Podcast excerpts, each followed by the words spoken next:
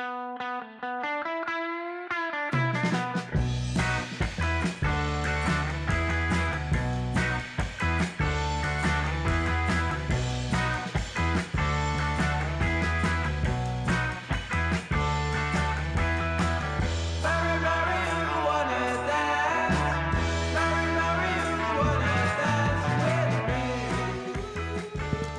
Welkom, kijkers van de Canna Stembus.nl livestream en luisteraars van de High podcast bij deze speciale Canna Stembus live special vanuit Eindhoven, het Lodewijk Napoleonplein waar de Cannabis Stembus op dit moment staat. Bij deze podcast over cannabis en alles wat met deze wonderbaarlijke plant te maken heeft. Mijn naam is Dirk Bergman. En mijn naam is Rens Hoppenbrouwers. Uh, ook deze aflevering wordt mede mogelijk gemaakt door Dutch Passion.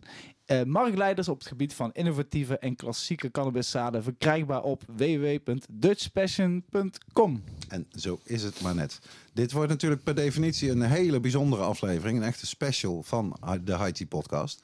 Al is het maar omdat wij natuurlijk, uh, Rens, normaal gesproken zitten wij lekker uh, niet zo ver hier vandaan. Nee, hè? Op de eerste verdieping, het kantoortje van de stichting VOC. En hebben we de luxe dat als wij ons verspreken of we zijn heel erg de draad kwijt... Uh, dat we dan gewoon kunnen monteren, omdat we hem pas later online zetten. Maar dat is deze keer niet zo. Nee. We zijn full on live. Ja, super spannend ook wel. Ook voor de eerste keer ook live op beeld. Dus uh, we moeten toch een beetje improviseren en aanpassen. Maar ik vind het wel cool dat uh, ook de luisteraars van uh, IT Podcast kunnen dadelijk natuurlijk ook weer deze stream terugkijken. misschien dat we een apart dingetje van kunnen monteren. En kunnen we een keer laten zien uh, wat we roken. Al is het maar dat. Al is het wel zo dat we... We zijn eigenlijk natuurlijk met de Haiti podcast te gast in deze Canna Stembus. Ja. En uh, die is niet alleen coronaproof, maar ook rookvrij. Dus we kunnen niet hier binnen opsteken, maar daar hebben we iets op gevonden. Ja, we dachten, nou, uh, we kunnen inderdaad niet tijdens de show roken. Maar we kunnen wel lekker draaien tijdens, tijdens de show.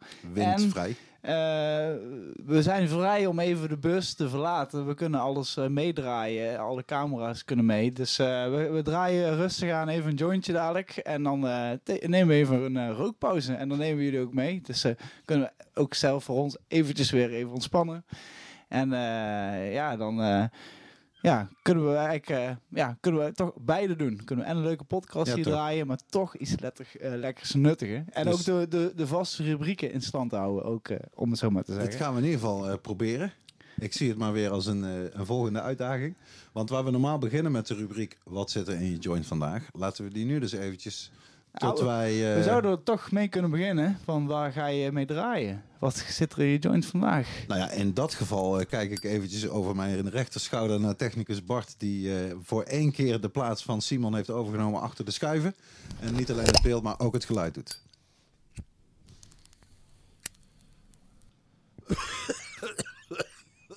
Wat zit er in jouw joint vandaag? En zoals altijd, uh, Dirk, laten we bij jou beginnen. Als uh, onze uh, kapitein van het schip. wat ben jij aan het, of wat ga jij draaien? Ik ga dadelijk dragen, draaien. Ik heb een cadeautje gekregen in, Doe, in Appelscha bij Doede. We hebben al een aantal dagen natuurlijk met de Canna Stembus live tour achter de rug. En Doede kwam op enig moment met ook dit leuke zakje. Ik ga hem eventjes dichter bij de camera laten zien. Niet alleen grown by Doede, maar ook handpacked by Doede. Sungrown, hij is eigenlijk afgesneden, dat heb ik niet zo slim gedaan, op de soortnaam. En het is G3. Ik weet niet of jij die streng kent. Het is echt een uh, Het is een beetje moeilijk. Oh, nou, dat is eigenlijk nog wel goed te zien. Hè? Nou, ik moet zeggen, echt uh, best wel indruk qua geur en qua smaak. Ik ja. heb hem net stiekem toch even mogen proeven van jou. Heerlijk uh, geurtje. Wauw, ja, het is echt een volle, ja, volle sativa. Maar... Die ga ik draaien. En ik heb zo'n grote top, ik zou hem zelfs puur kunnen doen. Waardoor wij, omdat het een tabakswet is en geen anti-rookwet, wel in de bus zou kunnen roken. Maar Bart, ben niet bang. Wij gaan. We gaan niet stomen, we gaan niet hotboxen. In ieder geval niet we, vandaag. We starren niet met de wetten. Dus die ga ik roken. De G3, uh, ge gegroeid door uh, Doede de Jong zelf in Appelscha in de kas ooit is. Want uh, natuurlijk doet hij daar al lang niet meer, die dingen. Want ja, het schijnt niet te mogen in Nederland. Hè. Maar Rens, ja. Wat zit er uh, dadelijk in jouw joint? Uh, nou ja, de, de, de kijkers van deze Canna Stembus hebben mij al een keer voorbij zien komen. En toen was ik hem ook al aan het nuttigen. Ik zeg, maar, sta even op en uh, hou hem heel dicht bij de camera. Dan kunnen we kijken of dat ook... het is iets kleiner topje. ik weet niet of dat hij hem scherp gepakt. Nou, ik kan hem in het licht heel goed zien, want we hebben natuurlijk we een zonnedak hier in de bus. En eh, dat ziet er wel lekker uit, Ja, hoor. het is een beetje lastig te... Ja, je moet even wachten, dan kan hij wel focussen. Als je gewoon even de tijd neemt. We hebben geen haast. Hè? De Haiti po- binnen de Haiti podcast nemen we de tijd Nou, voor cannabis. In ieder geval echt een... Eh, ruiken? Jazeker. Even een pro-tip, nou we een camera hebben. Als je met echte wietliefhebbers en ook echte kwekers eh, in aanraking bent, dan hebben zij altijd liever dat je een topje wiet aan het steeltje vasthoudt en niet met jouw eventueel vieze vette vingers vol corona shit aan de but zelf. Dus altijd liever aan het steeltje vasthouden als dat kan. Lekker. Die wil ik ook wel luisteren als, eh, of luisteren, ruiken als jij hem in je grinder hebt zitten. Ja, precies. Ja. Maar wat is het Precies. Het is sweets. Dus, Ah. dus eh, de guava gelato. een stack uit, eh, origineel uit Amerika. Mhm. Het is een soortje van Karma Genetics. Dus ook de, de, de vaste luisteraars kennen hem natuurlijk wel. Hij heeft dus een van de guava, een populaire, eh, populaire gelato stack, Mhm. heeft hij eh, naar Nederland weten te halen. En deze heeft hij teruggekruist op zijn eigen uh, sour diesel, waar hij dus ook echt bekend mee is. De sour. En, ehm, en het mooie is dat dit gewoon, dit, dit raakt beide werelden. Het heeft een, ja, een hele aardsige, zoete, romige geur. Mhm. En eh, ook qua, qua smaak is hij heel diep. Echt verschillende terpenen die, eh, die, eh, die alle sensoren om zomaar prikkelen. Dus, eh, het is echt een van, is maar gewoon mijn favoriete wiet om.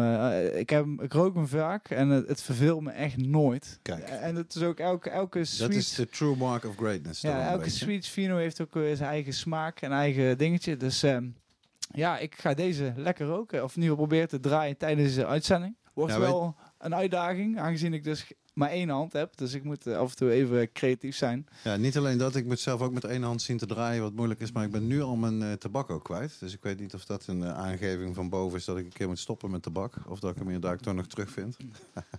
Anders Maar- eh, heb ik hier het uh, Oh, potje. Kijk, je hebt wat lichte tabak altijd, hè? Ja, Misschien dat we daar eventjes over kunnen hebben. Dat is volgens mij nog nooit aan bod gekomen. Nee, ja. Dat is- je natuurlijk het beste zonder tabak kan roken. Het is Hm? vloeken in de kerk, waar we nou over gaan hebben natuurlijk. Nee, ik ben... Ik Wij ben, zijn van die tabaksjongens. Ik ben toch? helaas een eh, tabakroker, eh, ook, eh, ook met jointjes. Ik krijg vaak van mijn vrienden, worden, die zetten me vaak voor lul, omdat ik nog steeds met tabak rook. Ik, ik, ik weet dat het fout is, ik, eh, maar ik, vind, ik ben gewoon ten eerste gewoon eh, verslaafd nog steeds aan de nicotine. Daar moet ik dus gewoon eerst vanaf. Eh, maar ik, ik draai daardoor wel, ik probeer er wel rekening mee te houden. Dus ik, ik, ik draai zelf met de lichtst mogelijke tabak die ik kan vinden, die ook het meest neutraal is van smaak. En ik ben, zeg, ik ben er gewoon mee opgegroeid. Als, toen ik a- 17, 18 was, toen ik begon met blowen, toen hadden de vrienden om mij heen sigaretten.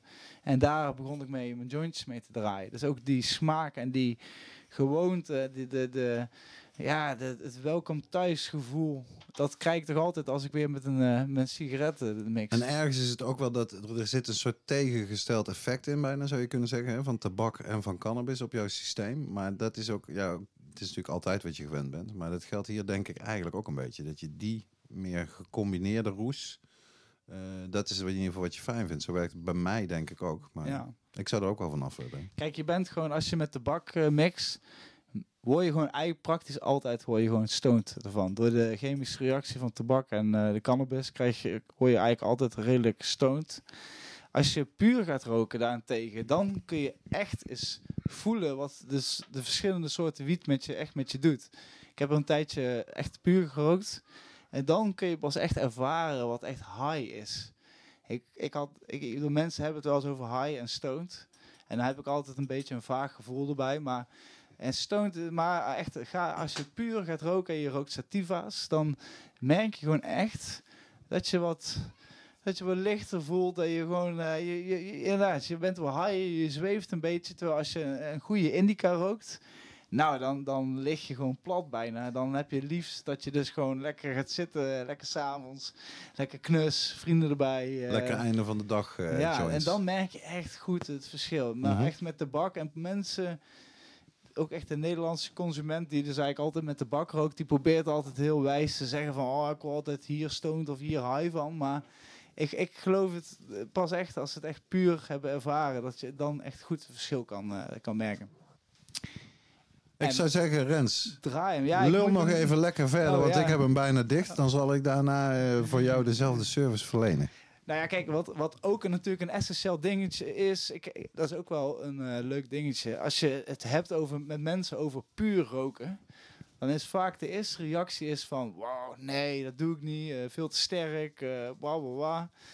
Maar mensen eh, weten niet dat eigenlijk het beste de manier van cannabis consumeren is eigenlijk puur. Natuurlijk is edibles of eh vapen natuurlijk veel minder schadelijk, maar als je het dus vergelijkt met de bak puur en puur, laten we het zo zeggen, dan merk je gewoon dat, dat door de terpenen en i- kijk, eh, vaak de reactie met de bak zorgt dat het de wiet een veel heftiger is. Dus Ja. als je puur rookt en je- rookt het ook veel anders dan met de bak.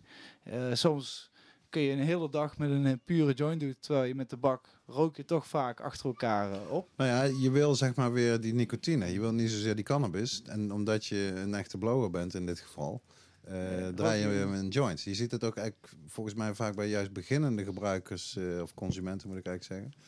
Eh, dat het ook, die maken soms nog de, de vergissing dat eh, cannabis zeg maar vergelijkbaar is met alcohol. In de zin van dat het stoer is om heel veel van te nemen. Terwijl als je een beetje connoisseur bent, dan is het natuurlijk, je wil precies op de, op de goede hoogte zitten, om zo te zeggen.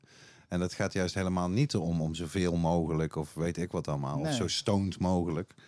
Eh, dat gaat juist inderdaad om eh, het verfijnderen, toch? Ja, de smaak, de geur. Je moet wel wennen, moet ik zeggen. Ik, vind, ik heb na een het, ook een tijdje puur gerookt en eh, het is heel anders stoned zijn. Mhm. en ook, ik, ik was bijvoorbeeld heel erg gewend om te werken, ook als, ik, als ik gebloot had. En dat ging altijd hartstikke prima. Ook bij, dus bij mijn werkgever, bij de koffieshop waar ik werkte, was het altijd...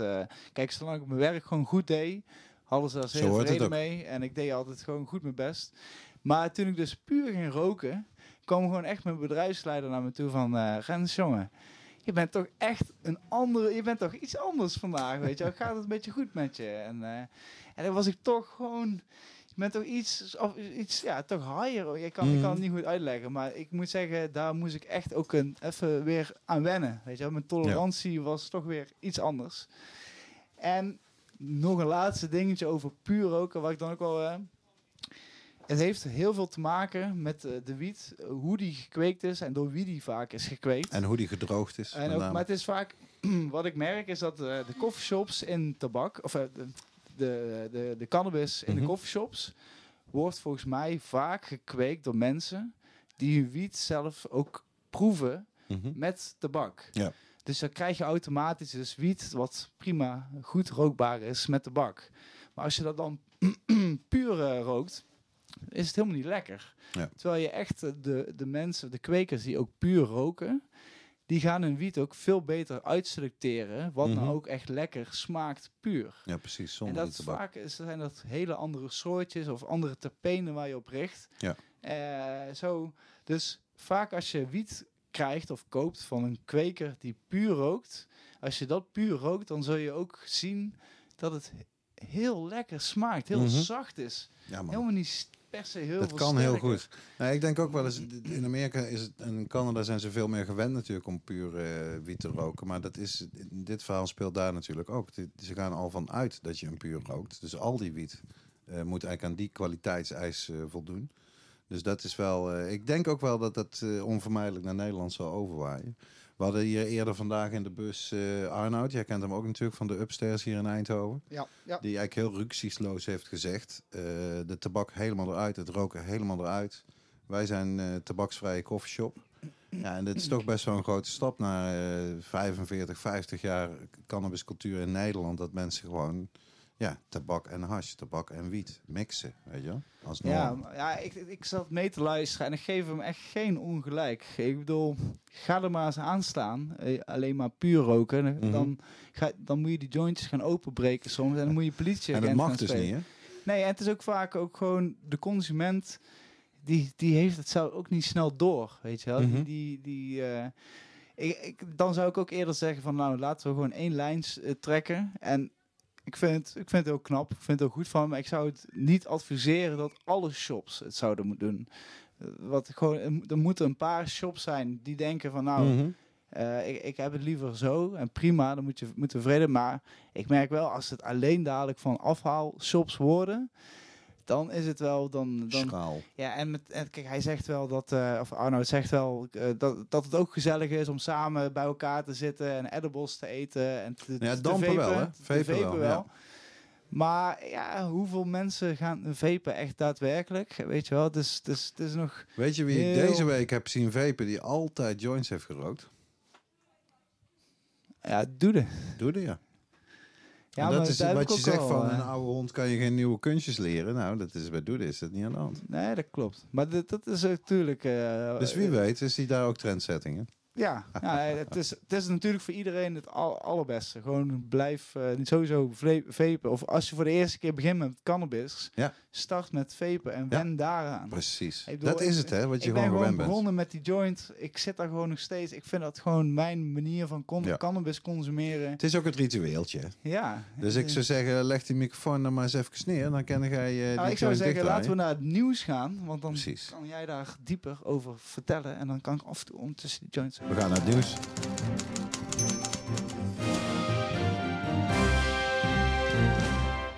Ja, en laten we beginnen bij de wietwet.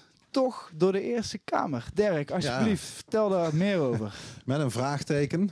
Is dat dan, eh, zou de kop leiden, eh, luiden, zeg maar. Eh, de, het is eigenlijk een paar keer ook al een bos- bod gekomen in de Canna Stembus livestream. Dat D66 natuurlijk, zelfs nog voordat Vera Bergkamp überhaupt in de Tweede Kamer kwam, was er al Magda Berendsen van D66. Die is begonnen met een wietwet te schrijven. En een wet schrijven, dat is behoorlijk ingewikkeld. Dat doe je niet op een achternamiddag, want dat moet aan allerlei eisen voldoen. Dat moet buitengewoon zorgvuldig worden geformuleerd. Dus dat is een werk eh, van jaren geweest. Eh, Vera Bergkamp heeft eigenlijk het stok, stokje overgenomen van eh, Magda Berendsen, ook als Kamerlid en drugswoordvoerder in de Tweede Kamer. Magda Berendsen trouwens ook nog wel grappig. Die is dus een oud politiecommissaris, maar wel een vrouw. En ik ga even terug in de tijd. De moeder van Koos Zwart, wiens portret hier achter mij staat. Het was een vrouw. Wie heeft de medicinale cannabis in Nederland gelegaliseerd? Het was een vrouw, Els Borst, ook van D66. Dus dat is toch een interessant eh, gegeven dat die vrouwelijke plant, hè, onze lievelingsplant, dat die misschien door vrouwen het beste ge- geholpen is, meer dan door mannen. Maar goed, die wietwet, die, daar is lang aan gewerkt. En toen Vera Bergkamp hem vlak voor eh, eigenlijk de verkiezingen, de vorige Tweede Kamerverkiezingen in 2017, heeft zij een meerderheid voor die wet weten te krijgen in de Tweede Kamer. En in ons systeem werkt het zo dat een wetsvoorstel eerst door de Tweede Kamer gaat. Als hij daar een meerderheid krijgt, gaat hij naar de Eerste Kamer. Die mogen er eigenlijk weinig meer aan veranderen, maar die mogen er wel over stemmen van willen we dit echt of willen we dit niet. De Chambre de Réflexion heet dat dan op zijn Frans. Dus die mogen er nog even dieper over nadenken. En die wietwet heeft een meerderheid gekregen in februari 2017. Krap, maar wel degelijk een meerderheid. En tijdens de formatie is hij in de koelkast, ijskast, diepvries verdwenen en kregen we ineens de wietproef. Nou, het nieuws van deze week, of eigenlijk vorige week, is dat Vera Bergkamp ineens in de krant stond. Twee dagen nadat ze bij ons in de Canna stembus was geweest. Om te zeggen dat ze echt een beetje vonden dat het te langzaam ging met wietproef. Dat, we ook, ja, dat, er, dat er meer snelheid gemaakt moet worden. En dat met de steun van Forum voor Democratie en Ja21 er ook in de Eerste Kamer nu al een meerderheid zou zijn voor die wietwet. Zodat hij lekker uit de diepvries kan. Boem, gooit hem in de magnetron. En dan hebben we daar een wietwet die gewoon wet is voor heel Nederland. Dan krijgen we de interessante situatie. Als via een wet, namelijk de wietwet van D66, de achterdeur van alle coffeeshops in Nederland is gereguleerd. Waarom zou je dan nog een hele wietproef gaan uitrollen? Dat was precies de vraag die ik ook wilde stellen. Want ze zijn inderdaad, ze gaan nou die wiet-experiment beginnen. Ze zijn er nu niet mee begonnen, maar... eh, En dadelijk eh, is er ineens al een wietwet. Ja, dit is ontzettend interessant. Ja. En dit geeft ook eh, ja, een heel nieuw belevenis. Ik, ik zou zomaar kunnen bedenken dat ook gewoon de partijen dus die niet zijn ingelood, Zoals Nu- Verties, zoals onze partij. En jullie partij. kijk, ik wil niet voor Ik heb mezelf er praten, niets maar- mee te maken, dames en heren, luisteraars van de IT-podcast, kijkers van de livestream. Dat is Ransom Business. Nee, maar ik, ja, nee, het geeft eh, natuurlijk weer, eh, weer een heel nieuw. Het is een soap die blijft Echt, eh, Want ontbloeien. vlak, een vlak nieuwe- voor dit breaking news over het wiet-experiment was er ook het breaking news dat toch een aantal van de uitgeloten telers die een rechtszaak hebben aangespannen tegen de overheid om te zeggen die loting dat lijkt helemaal nergens op. Dat klopt van geen kant. Hè? Dat moet overnieuw. Die hebben weliswaar niet gelijk gekregen helemaal van de rechter. Maar die rechter heeft wel gezegd, ja, ze hebben wel een punt als ze zeggen dat die loting een beetje gek is verlopen en ook niet zo heel, heel degelijk of deugdelijk. En eh, dus daar zou je ook nog kunnen krijgen dat we weer helemaal terug zijn bij eh, vakje 1. Ga niet door start. U ontvangt geen 20.000 euro. jongen, jongen, ik ken veel mensen die joints draaien. En eh, alleen mijn eigen zoon Thijs, mijn oudste zoon, draait ze langzamer dan deze Rens. Ik wist al dat ik hiervoor eh, de lul was. Ik wist gewoon. Maar ja, ik denk... eh, hè, Daar heb je de man met een van de meest indrukwekkende cannabis-cv's van Nederland. Homegrown Cup, Marktmeester, Cannabis Bevrijdingsdag, High Tea Podcast, Verties Industries. Maar hey, laat hem een joint draaien en we zijn een kwartier verder. Het ding zit nog Hey, niet dicht. hey, goed werk heeft tijd nodig. En ik ben inderdaad gewoon niet de snelste draaien. Maar kijk, mijn jointjes zijn daardoor wel extra, extra lekker. Omdat er gewoon, weet je wel, gewoon goed vlees moet gewoon gegaard worden. En dan eh, Ook dat krijg je de waar. beste sappige, sappige smaak. Nee, ja, ik ben gewoon, eh, ik ben misschien gewoon niet zo technisch. Kijk, eh, ik ben gewoon druk bezig met juist de dingen te Ik regelen voor die kwekers. technisch. Ja, dat klopt. Ik heb helemaal geen tijd om die jointjes te draaien. Daar heb ik deze Canna Stembus Tour eh, ook wel wat last van gehad. Nee, ja, ook, ik probeerde ook voor jou jointjes te draaien. Maar ten eerste, ja, je bent zelf aan aan het draaien soms. En dan kun je al niet draaien. Nog, en dan ja. zijn we hier, dan ben ik krant aan het uitdelen. En dan, eh, Ja, je en hebt nog geen tijd voor een hijs. Maar ja, dat is ook natuurlijk eh, verkeerstechnisch, coronaproof, eh, Is rookvrij. ook Is het weer, eh, allemaal, je scoort weer, op alle punten zeker. natuurlijk. Hè. En vanavond, ja, je gaat nergens meer naartoe. Dus een lekker jointje is geen enkel eh, ik, probleem. ik kruip daar naar huis. Nee, dat is geen probleem. Maar nee, ik, ik, ik vind het een heel, een heel interessant ding. We proberen hier elke keer weer aandacht voor te... Want het is inderdaad iets wat elke keer weer nieuws brengt. Ja. Dus, eh, Die we wietwet blijft terugkomen. Ja. Zoals ook de wietpas, hoewel op dat punt voor Amsterdam eh, eigenlijk weinig nieuws te melden is. Maar leuk wel, met de Canna Stembus Tour gaan we natuurlijk naar Amsterdam. We zijn daar op zondag 14 maart en maandagochtend 15 maart. En dan gaan we uitgebreid zeker praten met gasten die dan in de bus komen over, eh, over het I-criterium en het waanzinnige plan van Femke Halsema, bekend boegbeeld van GroenLinks. De partij die is voor legalisering en blijkbaar ook voor slechts vier Amsterdammers. Ja, dat is wel. Maar over eh, de wiet-experimenten leidt ook weer een mooi bruggetje naar Bruggetje. andere nieuws. Nog een nieuws, ja, nieuwsitempje. Een inval bij Vita uit Waalwijk. Eh, ik eh, heb een klein dingetje gelezen. Ik kan Mhm. een kleine introductie geven. Ze zijn, een, een- ze zijn een kweek. Ze hebben een, nou, om te zeggen, ze zijn een groep die kweekt in eh, Waalwijk. Ja, medicinaal hè? ze Dus wilden, niet voor eh, wietproef of coffeeshop, ja, maar puur medicinaal. Ze zijn echt gericht op de medicinale cannabis. En ze hebben dus een akkefietje met het OM. Ze hebben eh, namelijk een bepaalde reglement. Ik durf even niet eh, te Ik, zeggen. ik herinner me ineens wel weer, eh, hoe dat zit, omdat ik voor eh Mediwiet site destijds... Nee, ik, ik geloof dat mijn goede vriend Joop Mestrom eh, van CNMBS eh Mediwiet site, de, de, de websites over eh, cannabis in Nederland, die had dat nieuws als eerste journalist in Nederland, dat er dus ergens een vergunning was afgegeven aan een bedrijf gevestigd in Waalwijk voor de productie van 10.000 kilo medicinale cannabis per jaar. En het pikante is, dat is in Waalwijk niet alleen de geboorteplaats van mijn lieve vrouw Siel, maar ook eh, met een burgemeester die regelmatig mensen uit huis zet omdat ze een paar planten voor zichzelf proberen te kweken op balkon of kweektenten op bol.com verkrijgbaar. En dat is dus heel raar. Dan krijg je dus de situatie dat waar de burgemeester in de ene straat een burger op straat gooit voor 10 planten, dat 10.000 kilo om de hoek bij Vita geen probleem zou opleveren. Dus dat was zeer opmerkelijk nieuws, een mooie primeur eh, van Joop. Maar inmiddels is gebleken dat zij, eh, ja, het is weer een bizar verhaal, typisch gedoogbeleid verhaal. Eh, wat zij hebben ontvangen voor hun medicinale cannabisfabriek, want ik denk dat je het zo wel kan noemen, eh, dat is een Good Agricultural Practices verklaring. Waar, dat geeft dus zeg maar aan dat zij aan alle regels voor nette, transparante, noem het allemaal op, goede tuinbouw, daar voldoen zij aan. Maar ja, als je wiet wil kweken, heb je niet alleen dat nodig, maar je hebt ook een ontheffing nodig van de opiumwet. Precies. Omdat cannabis verboden is in Nederland. De reden dat wij hier überhaupt staan eh, op dit plein en in dit busje zitten. Dus eigenlijk, voor zover ik het goed begrepen heb, heeft Vita iets te ongeduldig gedacht. Wauw, die good agricultural practices voor een wietkwekerij. Dat, heeft, dat hebben niet veel fabrikanten. Die hebben we. Wauw, die hebben we binnen. Laten we maar meteen eh, planten erin rammen. Dan komt die ontheffing van de opiumwet vanzelf wel. Maar dat was buiten het eh, Openbaar Ministerie eh, gerekend, waar natuurlijk nog heel veel klonen van Ivo Opstelt als zombies rondlopen. Die nog steeds in war on drugs mode staan. En zelfs een, een ja, toch gereputeerde medicinale fabrikant, wat echt ver, ver van enige criminaliteit afstaat, keihard binnen te vallen en beginnen met het, het rooien van 17.000 medicinale cannabisplanten. Ja, ja, omdat ze inderdaad, ze zijn daar gewoon volle gas al begonnen met kweken. Ja. Maar de overheid vindt dus dat ze ook nog een ontheffing moeten hebben van de Nou ja, dat, dat- kijk, daar zit ergens. Daarom ben ik heel blij als dat nog eh, doorgaat, maar dat is wel bevestigd. Dat als de Canna Stembestoer in Brabant eh, rondrijdt later deze week, dat we eventjes bij Waalwijk eh, de snelweg afgaan. Zou uniek zijn. En dan interview ik de CEO van Vita over wat hier nou in godsnaam aan de hand is. Ja.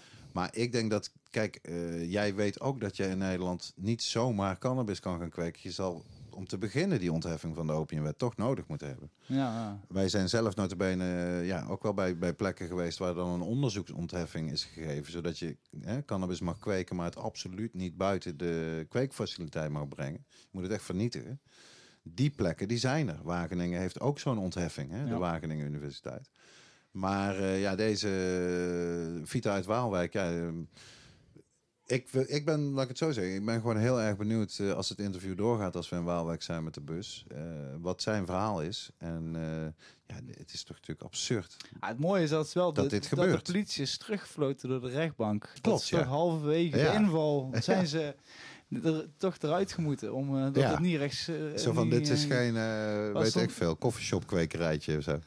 Ja, precies. Dus, nee, dus ik, ik ben heel, heel erg benieuwd naar het verhaal. Dus eh, ik hoop dat je hem te pakken krijgt. En ik zal zeker meekijken op dat moment. Of ik in ieder geval erbij Nou zijn. ja, dankzij, eh, dankzij de, de tijgerin, kan ik wel zeggen, Hester Kooistra, is die eh, afspraak gemaakt voor de Canna Stembus. Eh, waarmee wij overigens eh, naadloos doorschuiven naar het volgende Man. nieuwsonderwerp. Ja, Ja. We hebben de vaart erin. eh, het gaat allemaal helemaal lekker. Want natuurlijk, nou we hebben het over gehad, de Canna Stembus. Eh, ik ben blij om te kunnen melden dat dat inmiddels ook gewoon de, de landelijke grotere media heeft gehaald. Dat wij rondrijden met deze bus. Dat er een cannabisstemwijzer.nl is. En ehm, erg leuk. Ik begon met Arjen Lubach eigenlijk. Die op de dag voordat wij gingen rijden voor het eerst met de bus... had hij de cannabisstemwijzer, zei het maar 15 seconden, maar wel in de uitzending. En eh, hij maakte een grapje over, eh, lijkt me prima. Het was namelijk geen gemeen of dom grapje. Het was gewoon wel een aardig grapje over een Gewoon een leuke cannabisstemwijzer. stonergrap. Ja, Een leuke stonergrap. En kijk, er kijken toch meer dan een miljoen mensen naar eh, Zondag met Lubach. Dus dat was voor ons eigenlijk een ideale kick-off. Om ja, dat mensen weten van hé, hey, er is nou een cannabis stemwijzer. Want die was er dus eerst niet. De, het is op zich een, misschien ook wel typisch stoner. Enigszins verwarrend verhaal. Kijk, de cannabis kieswijzer, die bestond al. Eh, en daar was gewoon allerlei informatie over wat vinden partijen over cannabis, basically. Dus ook voor gemeenteraadsverkiezingen, provinciale staten. We hebben verschillende verkiezingen natuurlijk kon je daar altijd informatie vinden. Maar zo'n echte stemwijzer waar je vragen dan krijgt die je beantwoordt en boem, je advies komt eruit. Dat is ook best ingewikkeld om zoiets te maken dat het klopt en dat het eerlijk is. Je moet achter al die partijen aan. Ook dat is voor een heel groot deel het werk van Hester Kooistra, die daar de, de Stichting Maatschappij en Cannabis waanzinnig mee heeft geholpen. Eh, dus die bestaat nou. En nou ja, we hadden die kick-off. En we zaten de tweede dag eh, zaten we in het NOS-journaal, s morgens. Met een, eh, omdat Vera Bergkamp toen zo goed was geweest om een lintje door te knippen bij de Ja. bus. Echt lekker corny, maar je ziet, ja, dat werkt blijkbaar wel. Want daarmee haal je dan dus het NOS-journaal. Vera Bergkamp opent kan haar stembus. En ik denk dat daar toch een soort sneeuwbaleffect is waarvan ik heel vaak eerder heb gehoopt. Ook dingen, eerdere acties en campagnes, evenementen van Stichting VOC. Dat je dat momentum kan helpen hè, benutten, uitbouwen. eh, Dat meer mensen erover gaan praten. Dat op de social media erover wordt gepraat. Maar dat is verduiveld moeilijk. Al is het maar omdat veel journalisten, als het niet negatief is over cannabis, dan zijn ze niet zo geïnteresseerd. Nee, dan boeit het ze gewoon Ze niet. willen eigenlijk niet zo horen over vezelhennep in, eh, in Oost-Groningen, wat een waanzinnige kans is voor die hele regio daar. Ze willen niet zo horen over eh, onderzoek naar wietolie bij hersentumoren. Het begint een beetje te veranderen, moet ik wel zeggen. Gelukkig dat je ook in mainstream media dit soort ja, positieve eh, nieuwe verhalen hoort en niet altijd weer het same old, same old, weet je wel Hmm. reggae muziekje erbij. Ze zitten maar in de shop. Het verhaal, zeg maar, wat ex-journalisten al 30 jaar maken over cannabis, maken ze soms nog steeds. Maar hopelijk eh, brengen we daar een beetje verandering in. Omdat we ook, en dat is voor mijzelf echt wel geweldig met die Stembus Tour. Kijk, ik, ben, ik was nog nooit geweest bij Albert Dun, bij Dun Agro. Hmm. Dat is zeg maar de concurrent van Hemflax. En eh, even kijken hoor. Kijk, we hebben het over Hester Kooistra en ze komen al meteen met een aanvulling. Dat is, dat eh, is eh, Hester Kooistra ten voeten uit. Zij hebben een, het gaat even over Vita. Een goede aanvulling, want inderdaad, omdat ik in de bus zit, hou ik het niet allemaal zo goed bij als ik het normaal Kijk, doe. normaal konden wij dit allemaal mooi editen. Konden we al die nieuws extra erbij doen. Maar dit is gewoon live. Dus nou gaat It's het live. gewoon We zijn live mensen. Ik lees het live voor. Ik krijg het live binnen. Zij hebben een API, Active Pharmaceutical Ingredient ontheffing, Ja, dat vanuit de geneesmiddelenwet. Kijk, dat zijn de Dat puntjes op zocht ik ook, dat woord. Dankjewel Hester. De geneesmiddelenwet. Dankjewel ook Bart om dit live door te geven, zodat we het mee kunnen nemen. Nee, inderdaad, I stand corrected. We stand corrected. Ja. Eh, de gene Kijk, dat is het. De geneesmiddelenwet heeft dus vanuit de geneesmiddelenwet hebben ze toestemming om medicinale cannabis eigenlijk te kweken, zou je kunnen zeggen. Maar vanuit de opiumwet is weer een ander verhaal. Nou ja, dat is ook, komt vaak aan, boord, eh, aan bod hier in de bus. Dat het is zo'n regelwoud geworden van weer meer regels. En dan ook nog voorraadregel en dan nog I-criterium. Ook het is begonnen als Ahoy-beleid. De, de coffeeshops heet het Ahoy. Toen werd het Ahoy-G. Toen werd het Ahoy-GI. Het is dus ook een tijdje Ahoy-G- Ahoy-GCI geweest. En nu zijn ook partijen die zeggen... ja, we moeten nog een T van teelt toevoegen. Dus dan, dan wordt het het Ahoy-GICT-beleid. Volgt u nog? Ja, ik denk als we legaliseren zijn we vandaag gelul ook af... dat je niet heel het alfabet in de goede volgorde moet uitspreken... om het beleid überhaupt een naam te geven. Maar we waren bij Dun Agro. Dat je op, dus, Nou ja, op die precies. plekken... Ook nog even... Ja, we- Geweldig, eh, Rens. Je kan wel zien dat jij nog niks hebt gerookt vandaag. Want je pakt die draad weer Nou. als een pro, eh, pak je hem terug. Nee, de- en Dun Agro, eh, de hennepvezel, het hennepvezelbedrijf waar we de, op bezoek mochten... waar ik Albert Dun heb mogen interviewen... na enige milde tegensparteling. Omdat hij heel doodmoe wordt van juist altijd die associatie met coffeeshop, met feed. hmm. Eh, ik hoorde van Steven Kompier, die op dat gedeelte van de Canna Stembus Tour mee was, dat elk jaar gebeurt het weer als die planten zeg maar, bijna oogstrijp zijn. Dan komen er altijd wel een paar pubers op een scooter of op een fiets met een grote vuilniszak en die denken, wow, twee kilo wiet. Maar je kan het roken zoveel je wil, je krijgt alleen maar koppijn van. Er Ja. zit gewoon niks in. Er zit geen THC en je hebt er geen reet aan. Op, op dat vlak. Je hebt er natuurlijk wel een reet aan als je het als duurzame grondstof gebruikt. Maar eh, nou kijk, die dingen, ik vind het een voorrecht. Ik heb al zoveel interessante mensen in de bus mogen ontvangen. Architect van de Pink hier vandaag in Eindhoven was ook een super interessant verhaal. En die Kamerleden, dat valt me ook niet tegen, want ze komen toch wel in de bus. Ja. En dan Ja. zie je dus ook, het is helemaal geen links-rechts issue. Nee, het is eigenlijk een christelijk, niet-christelijk issue. En, en Geert Wilders, die kiest misschien vanuit zijn Limburgse achtergrond. Die zit in de hoek eigenlijk van de christenen als het gaat om, de, om cannabisbeleid. Hoewel, en daarom zou ik het ook fijn vinden, ik denk niet dat het gaat lukken. Maar als we iemand van PVV, bijvoorbeeld ook zo'n, eh, hoe heet ze met de paarden staat, Fleur Agema. Als die in de bus zou willen komen om gewoon alleen maar uit te leggen waarom PVV tegen legalisering is. Dat Ja. lijkt mij wel een eye-opener. Maar Ja, ze ontwijken het gewoon ook. Hè? Sowieso, eigenlijk zou ik ook wel eens een keer gewoon wat mensen willen horen of spreken die echt fel tegen legalisering zijn. Ja, maar die krijg je dus niet aan het woord, want die weten misschien wel dat ze gewoon. Ja, ik lust in die zin ook rauw. Ja. Het is zo dom om het verboden te houden. Wat, wat heel veel politici zelfs nog niet eens snappen, en als ze het wel snappen, dan is het nog meer evil als ze tegen legalisering zijn. Dat wat jij eigenlijk als politiek ook verzint, dat maakt helemaal geen invloed op het gebruik. Hoeveel mensen iets gebruiken, of het nou wiet is of whatever het is. Ze overschatten hun macht, zeg maar. Ze denken als wij heel streng zeggen, bladibla, je krijgt een boete, je gaat in het gevang. Dat mensen denken, oeh, nou dan ga ik nooit meer een joint roken. Zo werkt het nooit. Want dat zie je. Dus in Frankrijk zo mooi. Super strenge wetten. Tot echt een paar jaar geleden, want dat weet ik van Kenzie. Die eh, zeer actief is als cannabisactivist. Kenzie Riboulet, volg hem ook op Twitter. Een, eh, een Franse, volgens mij oorspronkelijk Algerijnse activist. Maar daar wil ik van afweten. Heel intelligente jongen. Heel sympathiek. En die is met name bij de Verenigde Naties de afgelopen, nou, tien jaar al wel.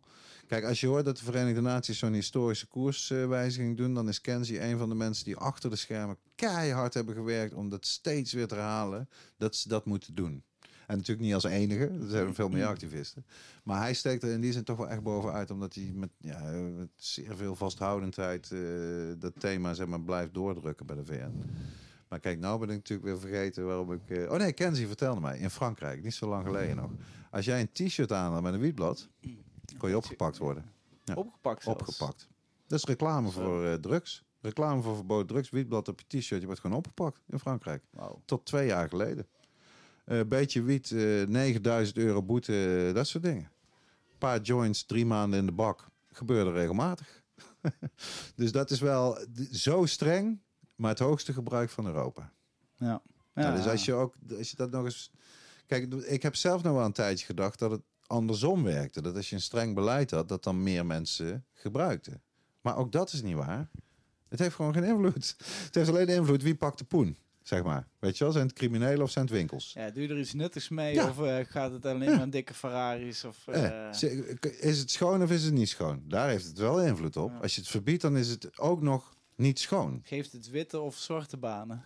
Ja. Kunnen mensen hypotheek een keer Ja, krijgen precies. of niet? Ja. Geeft het eh, ja, werkgelegenheid al. Dat, dat is, ze hebben wel invloed met hun beleid, maar niet op het enige waarvan ze zeggen dat ze invloed willen hebben, namelijk hoeveel mensen wat dan ook gebruiken. En daar heeft het dus geen invloed op, of nauwelijks. Kijk, het is wel zo als je een totale politiestaat hebt en een dictatuur met weinig mensen en liefst op een eiland, ja, dan kan je er enigszins in slagen om alles lam te leggen en dan gaan mensen. Maar ja, dat is ook weer zoiets. Je kan ook lijm gaan snuiven. Hey, daar word je wel stoned van. En een stuk slechter dan wiet. En je kan ook, dat heb ik in een documentaire over Afrika wel eens gezien. Kinderen op straat, die zeg maar zo'n shit leven hebben dat ze iets, een bus wilden hebben om gewoon aan die ellende te ontkomen. Die eh, verzamelden stukken plastic op straat, hard plastic. Van weet ik veel wat, een verpakking, whatever. Eh, aansteken eronder, dampen inhaleren. Reken maar dat je eventjes eh, niet aan iets anders denkt. Maar dat is zo slecht. En toen, toen ik dat voor het eerst zag, die, die documentaire, dacht ik ook, joh, wat je ook gaat verzinnen, mensen willen een roes. Weet je? Ze willen een roes. Door drank of door wiet of door heel hard rennen heel lang. Of de door in ijswater te zwemmen. Of door, nou ja, dat is dan een soort indirecte roes. Maar gewoon puur adrenaline. Mensen zijn ook verslaafd aan adrenaline. Of het nou gaat om snelheid, eh, wat mensen voor gekke sporten doen. Ik vind het zelf ook allemaal top. Als je dat zo, ik ben voor alles, zeg Ja, maar. ja. Als ik het zelf niet hoef te doen, of als ik tenminste keuze heb om het zelf wel of niet te doen. Maar dat is natuurlijk ja, zo oud als de wereld, zeg maar. Ja, ik weet, die hebben we hem nou in beeld of niet? Ik zet hem met vier, dan kunnen mensen het ook zien. Kijk, we hebben een rode knop. Ik, ik, moest op de, ik moest op de rode knop drukken als ik wilde gaan roken. Maar we blijven gewoon live. We blijven live. We hebben hem voorgedraaid. Ik heb hier mijn G3 van Doede. Friese wiet uit Appelscha. Ik heb hier Sungrown. de sweets. Ja, Zullen we even sweets. een paar ijsjes nemen en dan weer eh, verder gaan? Ja, ik weet niet eh, of Piet met- al in slaap is gesukkeld. Ik- ja, die hoeft natuurlijk niet te rijden, dus die zit daar maar. Nou, dan zeg ik, Piet... Ik, ah, de- zit je de Telegraaf te lezen? In de Canna-stembus. Laat Oh my god. woord maar niet horen hier. De T-woord, de thee. Hij leest de thee, maar hij drinkt koffie. Oké, we gaan even live gaan we de rubriek Wat zit er in je joint vandaag eh, afmaken. Door het roken van eh, wat er in onze joint zit vandaag. Dus ik zeg, Piet, gooi open de deur. Ja, ja. De, niet, en dan weer dicht. Oh nee, want dan kun je niet filmen. Nee, want het wordt wel weer kouder in de bus, hè, als de deur open staat. Oké mensen, we hebben gewacht tot alle kleine kinderen een beetje op afstand zijn ook. Heb je vuur, eh, Rens? Ik heb een niet zo goed uh, vloertje.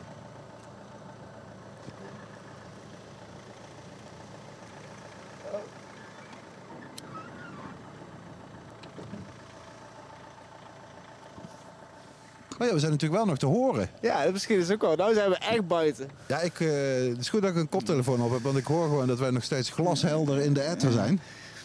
Wat, eh, hoe smaakt die? Dit is eh, buiten gewoon over vloeitjes gesproken wat je zei.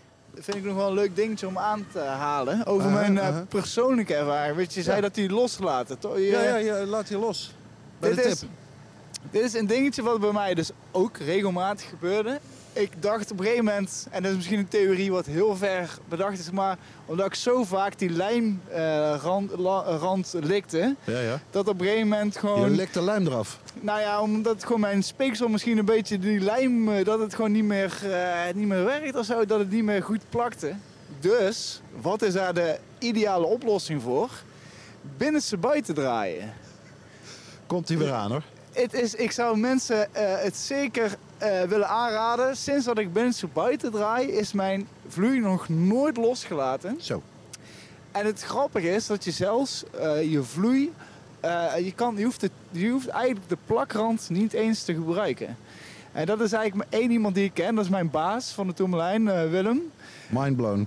Hij is de enige die ik ken die dus zonder plakrand altijd zijn jointjes dichtdraait. En doordat hij dus eh, een stukje, hij scheurt het eigenlijk af bij het likt. Hij scheurt het meteen af. En doordat het vloei gescheurd is, eh, krijgt het een soort textu- textuur dat Ja, het ja. weer gaat haken aan iets. Wauw. Dus Next hij, eh, ik, ik vond het fascinerend, maar dat, eigenlijk is ook de, de, de gummirand in, de, Mhm. in een vloeitje is eigenlijk de slechtste. Ja, daar zitten gewoon een soort van lijmdingetjes op of zo. Of Arabische gom is dat toch? Precies, maar Ja. in ieder geval eh, als je dat ook zonder kan roken, weet je wel. Dus dat is een dingetje waar ik zeker nog op moet eh, gaan oefenen, want dat is mij nog niet echt gelukt. Om even terug te zakken naar de nieuwsrubriek. We hebben het nog helemaal niet gehad over Marokko, hè? Marokko, le royaume du Maroc. Die met bij Rosa al over Marokko gehad. Nou, jij bent mijn co-host, Frans. Help me, help me out hier. Hebben we het toen over Marokko gehad? Ja, volgens mij wel. Oh. Dus, eh, De maar we- aflevering met eh, Rosa is een hele leuke aflevering, hè? Ja, een hele bijzondere jonge dame. Staat nog niet online, maar komt wel online. Nummer Deze 36. week verwacht ik hem eh, online te kunnen gooien. Ik vrees dat onze technicus Simon op het moment zeer in zijn tentamenperiode zit en daarom enige vertraging bij de montage heeft moeten oplopen. Maar die aflevering komt eraan met Rosa Bierings. Eh, ook eh, ja, dochter van een koffieshop-eigenaar in eh, Amsterdam. Amsterdam. Ja. Hè? De overkant Zeker. van Rob Bierings. Kijk, we hebben hier ineens een, een gast die komt een krantje halen, denk ik. Ja, zeker. U mag er ook een paar meenemen. We hebben er zat. Ze zijn gratis. Misschien zit er wel een gouden ticket in. We hebben er 100.000 laten drukken en in zeven zit een gouden ticket. En er is er pas één gevonden. Alsjeblieft. Alsjeblieft. Ja, De mensen blijven hier aankomen, maar volledig coronaproof. Er staat hier nog steeds geen eh, massa mensen op het Lodewijk Napoleonplein. Godzijdank hoor ik eh, Lisa denken. We blijven eh, keurig binnen de regels, ook met de High Tea podcast. Ik vind het erg leuk om te doen, moet ik zeggen. Ik had nooit gedacht dat ik hier nog een keer met de microfoon in mijn hand op mijn eigen plein zou staan. Voor een draaiende Canna-stembus in het kader van de opkomstbevorderingscampagne voor de Tweede Kamerverkiezingen. Want ook de, de luisteraars en in dit geval kijkers moeten natuurlijk gaan stemmen hè, op 17 maart. Verder ga ik het er niet meer over hebben, want ik heb het er onderhand al zeven dagen over non-stop. Rens, jongen, heb je iets te melden straight from the streets of eh, Eindhoven? Nou, we moeten in ieder geval even, ja, even het, het, wat we nog steeds, we zijn nog steeds de Cannes stembus. Dus Mhm. uiteindelijk moeten we toch nog een beetje doen wat wij nog steeds voor staan. Dus af en toe een leuk krantje kunnen niet alleen maar joints roken. Nee, we kunnen niet alleen maar joints roken en over Zo eh, dus, zit het eh, leven niet in elkaar, hè? Maar hoe smaakt die uh, Compañero? Dit is geweldig?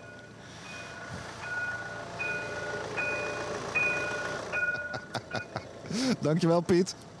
De Canna Stembus, voor de mensen die dit nog niet hebben gehoord, eh, reed vroeger rond in Parijs, in eh, Montmartre. De bekende toeristische buurt inmiddels, waar de Sacré-Cœur, die geweldige kerk die eruit ziet als een soort taart, een ijstaart, Die wijk. En eh daar moest hij dus heel stijl omhoog rijden, die bus. En eh, nou eh, staat hij hier, vol met wietblaadjes. Ja, echt heel cool. Ik, ik moet zeggen, ik, rij, ik ben een paar keer achter de bus aangereden. Hmm. Je merkt echt dat het zo'n reactielokker is voor iedereen. Gewoon iedereen die hier... Echt hè? Ook omdat we zo langzaam moeten rijden, want hij Ja, kan niet we harder. rijden niet harder Er dan zit een 65. begrenzer op. Maar gewoon eh, iedereen, ik denk 70, 80 procent is heel, re- reageert heel enthousiast. Ja. Probeert meteen zijn camera erbij te pakken om er een foto ervan te kunnen maken. Je ziet een paar mensen die denken, jezus, eh wat zijn Jezus, jullie nou? hè?" WTF. Ja, Ja. precies. Dus, eh, maar ik, eh, ik vind het zo verrassend en zo ja, tof om te zien dat het gewoon dat het echt werkt, deze bus. Ja. Dat we laten werkt, zien dat we op straat zijn, dat we eens even mensen ook een discussie geven. Je merkt gewoon dat iedereen daarna met elkaar praat. Zo van, jee, oh, hè, cannabis. Of, Ook in eh, Stadskanaal, wat eigenlijk de meest vijandige gemeente is waar we tot nu toe gestopt zijn met de bus, merk je dat mensen onderling tegen elkaar gaan zeggen. Maar ik gebruik wel CBD-olie. En sinds ik dat gebruik heb ik geen last meer van pijn in mijn gewrichten. En ik slaap weer, want ik neem die wietolie. En ik vind helemaal niet dat het verboden moet zijn, want het is gewoon een plant, geen probleem. Dus het lijkt inderdaad alsof we de discussie letterlijk opstarten. Wij rijden weer verder, maar de discussie gaat verder in die Ja. eh, plekken waar we geweest ja, zijn. het, eh, Het is, het is een plezier om te doen. Tot nu toe heel intensief wel, moet ik zeggen. Hard werken. je stem houdt het nog. Ik heb, Even geleerd, afkloppen. ik heb geleerd iets zachter te praten dan wat ik de eerste dag deed in Den Haag op het plein. En eh, ik heb nu, zelfs nu nog geen last van mijn stem. En we zijn toch alweer een hele dag sinds half elf live op de zender zo'n beetje. Maar ja, dolle pret. Ja. Komt aanlopen, die rijdt ook mee met de bus. Ik kan haar zelfs voor een live reactie. We staan live op de zender, schat. Ja, ja, ja, hoe ver zijn jullie en wat gaan we vanavond eten, jongens? Ja, die dingen, moet- die dingen gebeuren ook. Die dingen gaan gewoon door.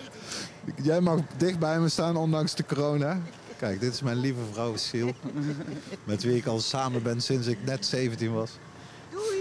Ik zeg, Ja, we gaan eh, dadelijk We eh, gaan lekker binnen, eh, de bus in. Ik pak mijn Ik, Severet. eh, ik hou deze joint, zorg dat die uit is. Hebben we het al wel eens over de Severet gehad eigenlijk in de IT-podcast? Nee. Nee, hè? Is Dat ook mooi wel interessant. ga er... eh, Rutger. misschien voor de oude doos.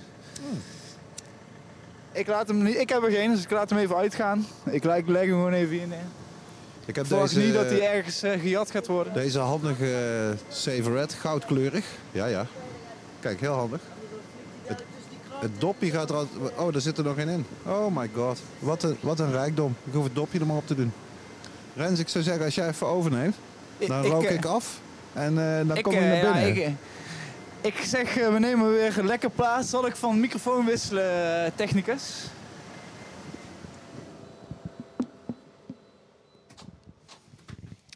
Zo. Is het weer horen? Yes. We, technicus zegt eh, dat we weer hoorbaar zijn. Even lekker medicated. Ik zeg, eh, Piet, eh, gooi die deur maar dicht. Dan eh, wordt het niet zo koud. Precies. Nee, ja, uit, uiteraard, normaal roken we altijd lekker even een jointje tijdens de uitzending. Kunnen we ook tijdens de uitzendingen nog vaak eh, even benaderen wat we aan het roken zijn. Dit is ook wel lekker warm. ook al vergeten we het vaak te, nog te vermelden hoe die, hoe die smaakt. Dus eh, dat is ook wel weer een dingetje. Zitten we nog in de nieuwsrubriek of eh, zijn we alweer aan het volgende ik, eh, ik stel voor dat we naar de volgende rubriek gaan. De oude doos.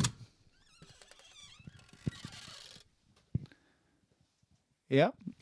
Dirk, heb jij ondanks dat we in deze rijdende bus zitten... toch nog iets uit jouw oude doos kunnen halen? Ah, ik heb in mijn eh, oude doostas... het gaat niet over Ted. Ted komt dadelijk nog even aan bod. Ik weet niet of mensen die kijken Ted hebben gezien, die film. Seth MacFarlane. Toch buitengewoon grappig. Nee, in de oude doos eh, heb ik een boek zitten wat ik eh, de hele tour al gebruik. En waar ik ook vandaag uit ga voorlezen. Want omdat we nog steeds ook gewoon op de Cannes Stembus livestream te zien zijn, dubbel dubbel, gaan we daar dadelijk het alfabet uit doen. Maar voor de oude doos leek het me wel leuk. Ik zet Ted toch eventjes bij jou neer. Beetje onhandig. Kom maar. iets, ja, het is een dikke, dikke eh, vette beer, hè, die Ted. Maar hij gaat dadelijk nog, eh, gaan we even een diepte interview met hem doen. Dit boek zit in de oude doos. Ik kan het nou ook laten zien. Geweldig. Ik show it to the camera. Antiquarisch nog verkrijgbaar. Van Simon Vinkoog. Over wie we het met de Cannes Stembus eh, ook nog wel een keer gaan hebben. Hij heeft vier boeken geschreven over cannabis. Ze komen vaker aan bod in de IT-podcast. Ja, we hebben hem volgens mij al een keer eerder, eh, maar nu kunnen we hem ook laten zien. Ook Ik leuk. heb namelijk, ik- het begint met een citaat. Dus het zou in feite zelfs in de wijze woordenrubriek kunnen. Maar eh, dat citaat, ik ga gewoon een paar, ik ga even grasduinen, omdat we nou ook beeld hebben eh, door dit boek. Want het is echt gewoon een grappig, ja, een boek met allerlei verschillende teksten en gedichten en grote foto's. Kijk, dit is een foto van eh, Ken Kesey. En Ken Kesey is de auteur van One Flew Over the Cuckoo's Nest. De bekende filmadaptatie met Jack Nicholson, eigenlijk zijn doorbraakrol. Ken Kesey was echt een blower. Hield ook heel erg van LSD. Heeft eigenlijk alles gedaan, alle drugs. En hij, wat hier, de quote hier staat bij die foto, prachtige quote. Good old grass I can recommend. To be just without being mad. To be peaceful without being stupid. To be interested without being compulsive. To be happy without being hysterical. Smoke grass. Kijk, Ja, goud. dat is eh, Ja, mooi. zijn, ja, dat is eh, goed getroffen. Zeker weten. Er zit dan een, eh, dat is ook wel grappig. Er zit een grappig, eigenlijk Frank, een gevangenisdagboek in van Henk van S. die vastzat in Marokko vanwege smokkel van hashish in 1961. Je kan het allemaal teruglezen. Er zijn dagboek-entries. Dat gaat pagina's lang door. Dat ga ik allemaal nou niet behandelen. Maar dat, is, dat geeft een beetje aan ook wat de, de variatie is van, eh, van het boek. Even kijken hoor. Er zit natuurlijk het alfabet in. En dat moest toen, is toen gepubliceerd nog onder eh, schuilnaam. Namelijk Julian the Joint. Maar dat is Jules Deelder. Die inmiddels, ja, heel Nederland kent hem. Al is het maar van die, eh, spotjes van Robijn, of wat is het? Een ja, van de van de wereld draait door, denk ik. Wereldwijd door, Jules Deelder. Dus voor de Cannabis Stemtour heb ik eh, verzonnen dat ik elke dag één letter doe. Maar we zijn niet 26 dagen om tour. Dus ik doe er twee of zo eh, per dag. En als ik ze vergeet, dan heb ik er de volgende dag extra. Dus die zitten er ook en die zijn ook heel leuk geïllustreerd. Kijk. Oh man, wat een luxe dat ik gewoon beeld bij kan pakken. Kijk, zo zijn die letters geïllustreerd. En die zijn geïllustreerd door de vriendin van Jules Deelder. En zij heette, staat er volgens mij ook gewoon bij. Rosalie. Leuk. Al die, kijk, deze ook mooi om te laten zien. Elke letter heeft, is dus mooi getekend en heeft ook eh, bijzondere plaatjes erbij. Echt of the Ik era. duik even weg. Voordat... Ja, pas op jongen. Het gaat alle kanten op. Ondertussen, Ja. even zie ik eh, onze diehard El Professor aankomen met de fiets. Dus, Hey, eh, verdomd. ja, Ik misschien dadelijk ook nog eventjes eh coronaproof op de andere stoel neerzetten. wie weet, eh, maar... eh, Ja, ik wil toch eventjes, want het is een hele sterke tekst van Julian Beck. En dat is een interessante theatermaker eh, uit Amerika, inmiddels ook overleden. Eh, de negende zang van de revolutie. Wil je die nog even horen? Ik zie paniek in je ogen. Nou ja, als, eh, ik, ik laat me graag verrassen. Ik denk ook alle luisteraar kijkers. eh, het is een hele sterke tekst. Hij heet de negende zang van de revolutie. Ga je hem zingen? Nee, ik ga hem eh, voordragen zoals ik hoop. eh, Nou, hij was een theatermaker, dus hij deed het eh, een stuk beter. Niet geïnteresseerd in het legaliseren van marihuana. Niet geïnteresseerd in de benoeming van een betere politiecommissaris. Wij hebben geen beperkende wetgeving nodig. Het gaat er niet om dat niemand moordt, het gaat erom dat iedereen leeft. Geen zin om de wetten te verbeteren. Een mythe dat de wet verbeterd kan worden. Een mythe dat de wet iets met recht te maken heeft. De wet versterkt het systeem en het systeem is niet rechtvaardig. Wij hebben geen recht nodig, wij hebben leven nodig. Het recht velt vonnissen ten gunste van gezag en bezit. Het recht is binnen het systeem de illusie van een volk dat bang is iets voor zichzelf te doen. En het is het systeem dat ons bang maakt voor elkaar. Het is het systeem dat ons hebzuchtig en belust op bezit maakt. Het is het systeem dat de wet nodig heeft.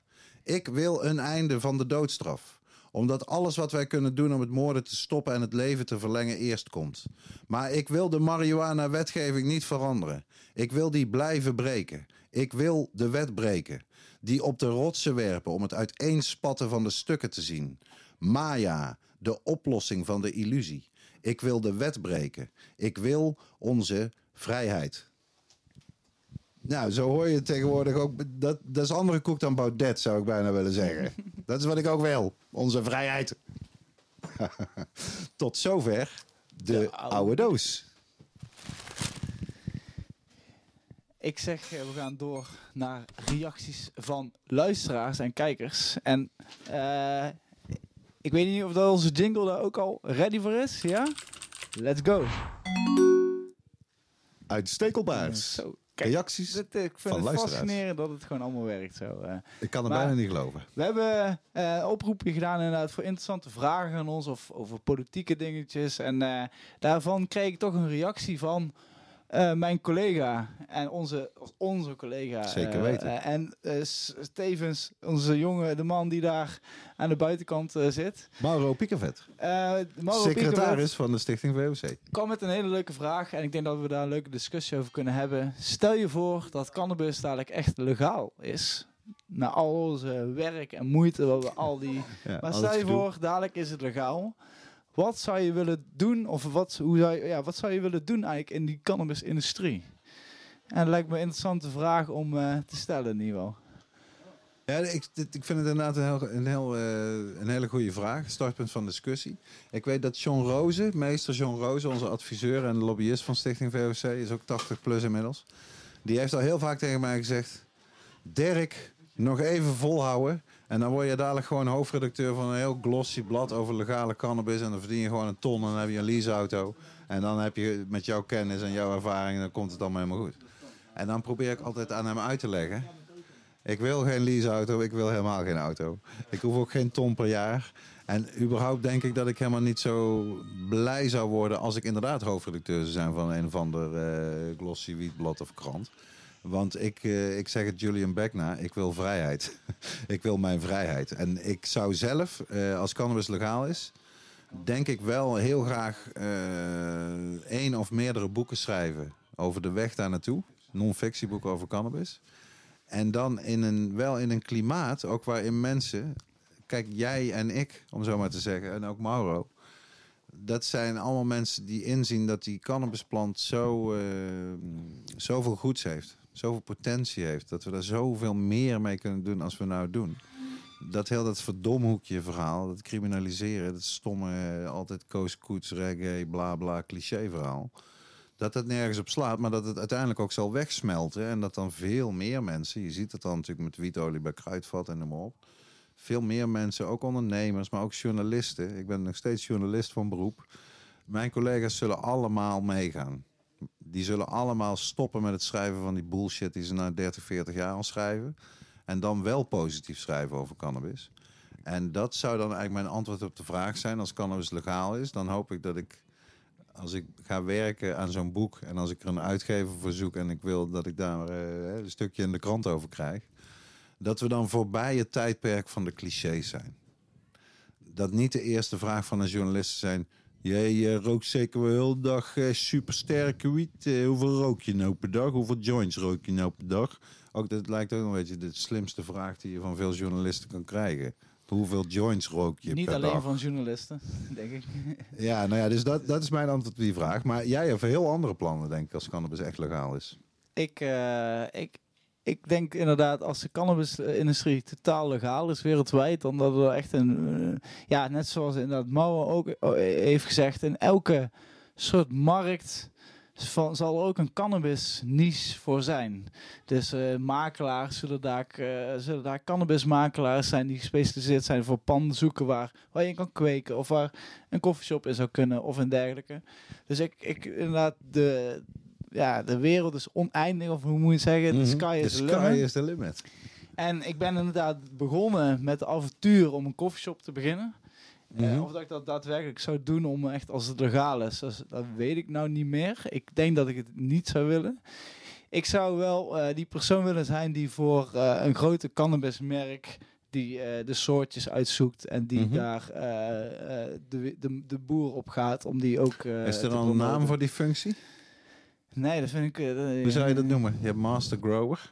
Je Ja, hebt eh, wat eh, Asje doet, hè? Wat Ja. is dat ook is weer? een crop consultancy. Crop consultant. Ik, ja, ik...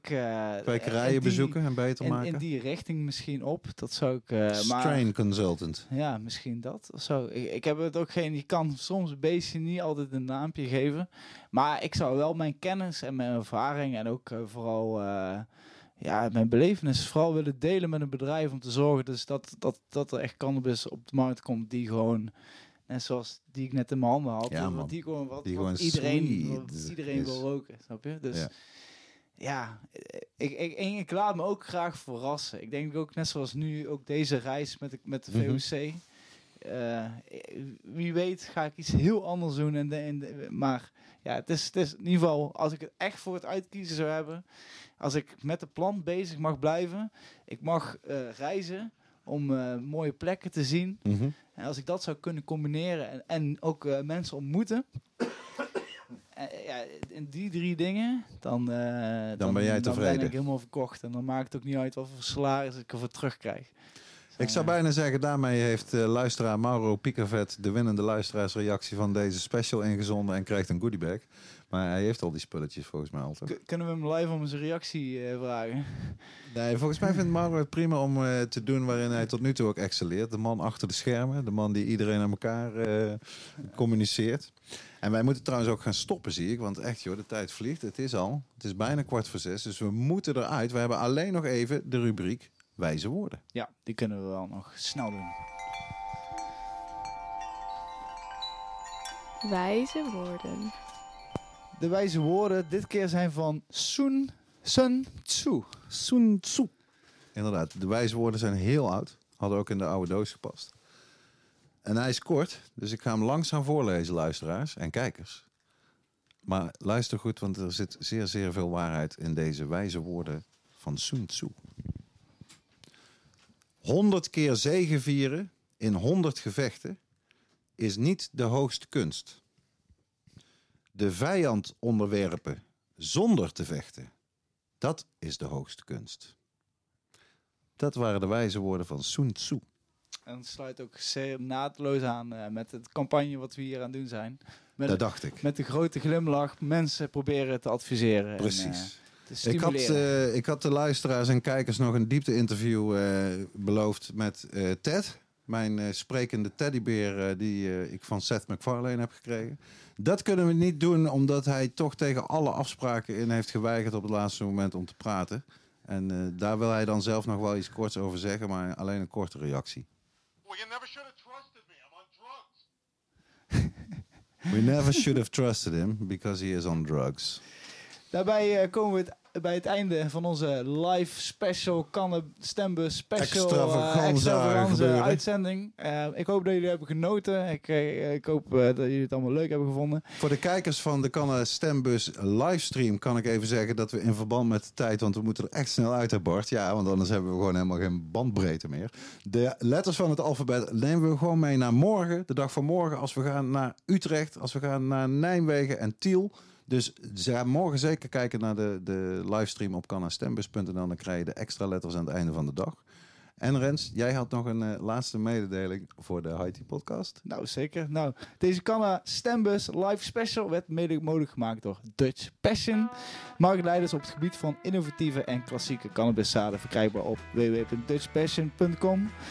En diepe, diepe dank aan, eh, diepe buiging aan Bart voor, eh, voor één keer de man achter de schuiven. Dank aan de Canna Stembus team voor en achter de schermen. En dank voor het luisteren en kijken naar deze High Tea podcast. Lieve mensen, tot ziens.